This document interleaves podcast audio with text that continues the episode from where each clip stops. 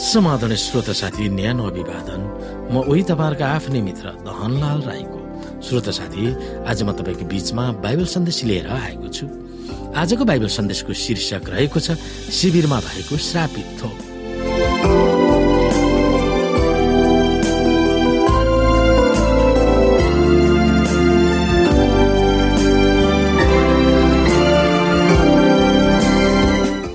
श्रोत साथी इसरायलको इतिहासमा यो एउटा ठूलो खुसियालीको समय थियो भन्दा कसैले विवाद नगर्न सक्छ। मरुभूमिमा चालिस वर्ष यात्रा गरेपछि इसरायलीहरू आखिरमा यहोसीको नेतृत्वमा प्रतिज्ञा गरेको देश पस्दै थिए। अचम्म तरिकाले तिनीहरू हेर्दन नदी पार गरेका थिए। यो नदी बाढी आउने समय थियो तर नदीमा नै सुक्खा जमिन भएर इसरायलीहरू पार गरिरहेका थिए।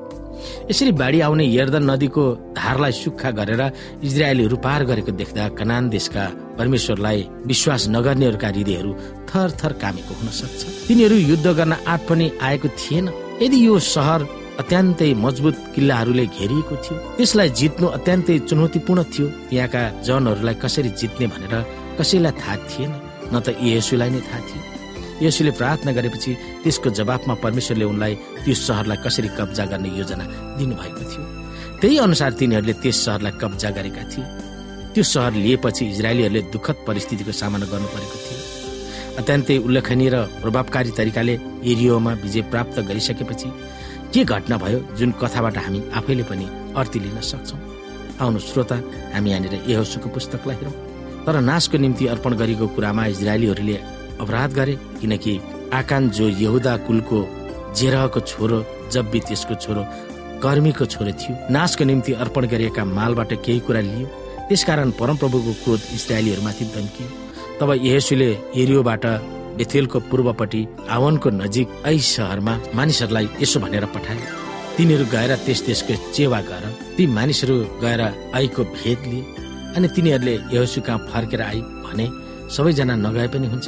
गरिब दुई तिन हजार मानिसहरू गएर ऐलाई आक्रमण गरौँ। सबैजनाले त्यहाँ जाने दुःख नदिनुहोस् किनकि त्यहाँकाहरू थोरै मात्र छन्। यसैले तिनीहरू मध्ये करिब तिन हजार मानिसहरू गए तर तिनीहरूलाई ऐका मानिसहरूले परास्त गरे।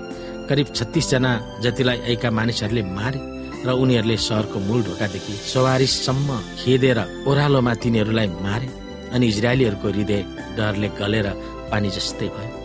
तब यहसु र इसरायलका धर्मगुरुहरूले आफ्ना लुगा च्यातेर शिरमा धुलो हाली परमप्रभुका सन्दुकको अगाडि भुइँमा घोप्टो परेर साँझसम्म बसिरहे। अनि यहसुले भने हाय परमप्रभु परमेश्वर तपाईँले यस जातिलाई हेर्दन तारेर यमेरीहरूका पन्जामा हाली हामीलाई नाश गर्न किन ल्याउनु भयो बरु हामी सन्तोष गरेर हेर्दन पारि नै रहने थियौँ। हे परमप्रभु इजरायलीहरूले आफ्नो शत्रुको सामु पिठ फर्काएपछि अब म के भन्नु? किनकि कनानीहरू र देशका सबै बासिन्दाहरूले यो सुनेर हामीलाई घेर्नेछन् र पृथ्वीबाट हाम्रो नाउँ मेटिदिनेछ त्यसपछि तपाईँको महान नाउँको खातिरमा तपाईँ के गर्नुहुन्छ? परमप्रभुले यहोसुलाई भन्नुभयो उठ तिमी किन यसरी घोप्टो पर्छौ? इजरायलले पाप गरेको छ। जुन करार मैले तिमीहरूसँग बाँधेको थिएँ सो तिमीहरूले भङ्ग गरेका छन्। नाशको निम्ति अर्पण गरिएका मालबाट तिमीहरूले लिएका छन्। तिनीहरूले चोरी गरेका छन् र झुठो काम गरेर तिनीहरूले ती तिनका आफ्नै मालतालसँग राखेका छन्।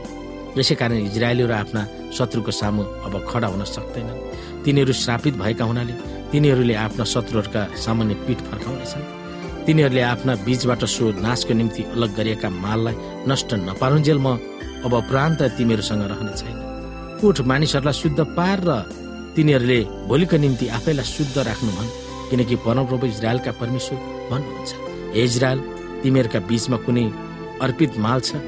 तिमीहरूका बीचबाट तिमीहरूले त्यो अर्पित माल नफेकिन्जेल तिमीहरूका शत्रुहरूका सामुन्ने तिमीहरू खडा हुन सक्दैनौ। यसकारण बिहान तिमीहरू आफ्नो आफ्नो कुल अनुसार नजिकै आउनु र जुन कुललाई परमप्रभुले पक्राउनुहुन्छ त्यो सन्तान सन्तान गरी नजिक आओस् र जुन सन्तानलाई परमप्रभु पक्राउनुहुन्छ। सो परिवार परिवार गरी नजिक आओस् र जुन परिवारलाई परमप्रभुले पक्राउनुहुन्छ। त्यसबाट एक एक मानिस गरी नजिक आओस् अनि जो मानिस अर्पित माल समेत पक्राउ पर्छ त्यो र त्यसको साथमा उभिएका जम्मै आगोमा चलाइनेछ किनभने त्यसले परमप्रभुको करार भङ्ग गरेको छ र त्यसले इजरायलमा घृणास्पद काम गरेको छ। यसुले बिहान सबैले उठेर इजरायलीहरूलाई कुल कुल गरेर नजिक ल्याए र यहुदाको कुल पक्राउ पर्यो अनि तिनले यहुदाका सन्तान सन्तान गरेर नजिक ल्याए र जेराको सन्तानलाई तिनले पक्रे अनि तिनले जेराका सन्तानका परिवार परिवार गरी नजिक ल्याए र जब्बीको परिवार पक्राउ पर्यो। अनि तिनले त्यसको घरमा मानिस मानिस गरी नजिक ल्याए र आकान जो यहुदाका कुलका जेराको छोरो जब्बी त्यसको छोरो कर्मीको छोरो थियो पक्राउ पर्यो। जब योसीले आकानलाई भने हे मेरो छोरो परमप्रभु इसरायलका परमेश्वरलाई नै महिमा देऊ र उहाँको सामु साबिती गरी तैले के गरेको छ सो मलाई भन। मबाट त्यो कुरो नलुका आकानले योसीलाई भन्यो साँचो हो मैले परमप्रभु इजरायलका परमेश्वरको विरुद्धमा पाप गरेको छु र मेरो अपराध यो हो जब मैले लुटेको धनमा बिबिलिनिया देशको एक बढिया ओढ्ने दुई सय सेकेल वजनको चाँदी र पचास सेकेल वजनका सुनको एक डन्डा देखेँ तब मलाई लोभ लाग्यो र ती लिएँ। ती मेरो पालको बीचमा जमिनभित्र गाडिएका छन् र सबैभन्दा मुनि चाँदी छ। तब यहोसीले दूतहरू पठाएर तिनीहरू दकुरेर त्यस पालमा गएर ती त्यसको पालमा गाडिरहेका रहेछन् र सुन र चाँदी चाहिँ सबैभन्दा मुनि रहेछ। अनि तिनीहरूले ती मालहरू पालको बीचबाट निकालेर यहोसु र सबै इजरायलीहरू कहाँ ल्याए। र परमप्रभुको सामु राखिदिए। जब सबै इजरायलीहरूका साथमा यसुले जेरह वंशी आकान र सो चाँदी ओढ्ने र सुनको डन्डा अनि त्यसका छोराछोरीहरू र त्यसका गोरुहरू गधाहरू भेडाहरू र त्यसको पाल र त्यससँग जे जति थिए यी सबैलाई अकोरको बेसीमा लगे। यसुले भने तैँले हामीमाथि किन यस्तो सङ्कट ल्याइस्? आज त माथि परमप्रभुले सङ्कट ल्याउनु हुनेछ। तब सारा इजरायलीहरूले त्यसलाई ढुङ्गाले हाने अनि बाँकीलाई ढुङ्गाले हानिसकेपछि जलाइदिए। तिनीहरूले आकानमाथि ढुङ्गाको ठुलो थुप्रो लगाए जो आजको दिन समय छँदैछ तब परमप्रभु आफ्ना जल्दो क्रोधदेखि शान्त हुनुभयो। यसकारण त्यस ठाउँको नाउँ आजको दिनसम्म आकोरको बेसी रहेको छ। श्रोत साथी आफूहरूले कब्जामा लिएका सहरहरूबाट केही नलिनु भन्ने स्पष्ट आदेशको बावजुद पनि यहोसु छ अध्यायको अठार उन्नाइसमा आकानको त्यसको विपरीत चलेको थियो। त्यसको फलस्वरूप सारा इजरायली देशले शर्ममा पारिएको थियो। ऐमा हार खाएपछि यहोसुलाई यो डर लागेको थियो किनकि कनानीहरू र देशका सबै बासिन्दाहरूले यो सुनेर हामीलाई घेर्नेछन् र पृथ्वीबाट हाम्रो नाउँ मेटिदिनेछन् भनेर। श्रोत साथी अन्तिममा वर्तमान परिप्रेक्ष्यमा आकानले आफ्नो काम ठिक नै थियो भनेर सजिलैसँग किन लिन सक्थ्यो? त्यस सहरमा भएको धेरै धनदौलतमा मैले लिएको त केही पनि होइन। कसैले थाहा पाउने छैन। त्यसकारण त्यसबाट के हानि हुन्छ र फेरि मेरो परिवारलाई घर बनाउन पैसा पनि त चाहिन्छ नि यस खालको खतरापूर्ण सम्झौताबाट हामी कसरी जोगिन सक्छौँ? ती कुरा हामीले विचार गर्न सक्छौँ। किनभने संसारका मानिसहरूले नदेखे पनि स्वर्गमा रहनुहुने हाम्रो परमेश्वरले हामीलाई देख्नुहुनेछ। हामीले के गर्यौँ पाप गर्यौँ धर्म गर्यौँ लोभ गर्यौँ सबै कुरा हाम्रो हृदयको अन्तस्करणहरू उनी परमेश्वरले जान्नु हुँदछ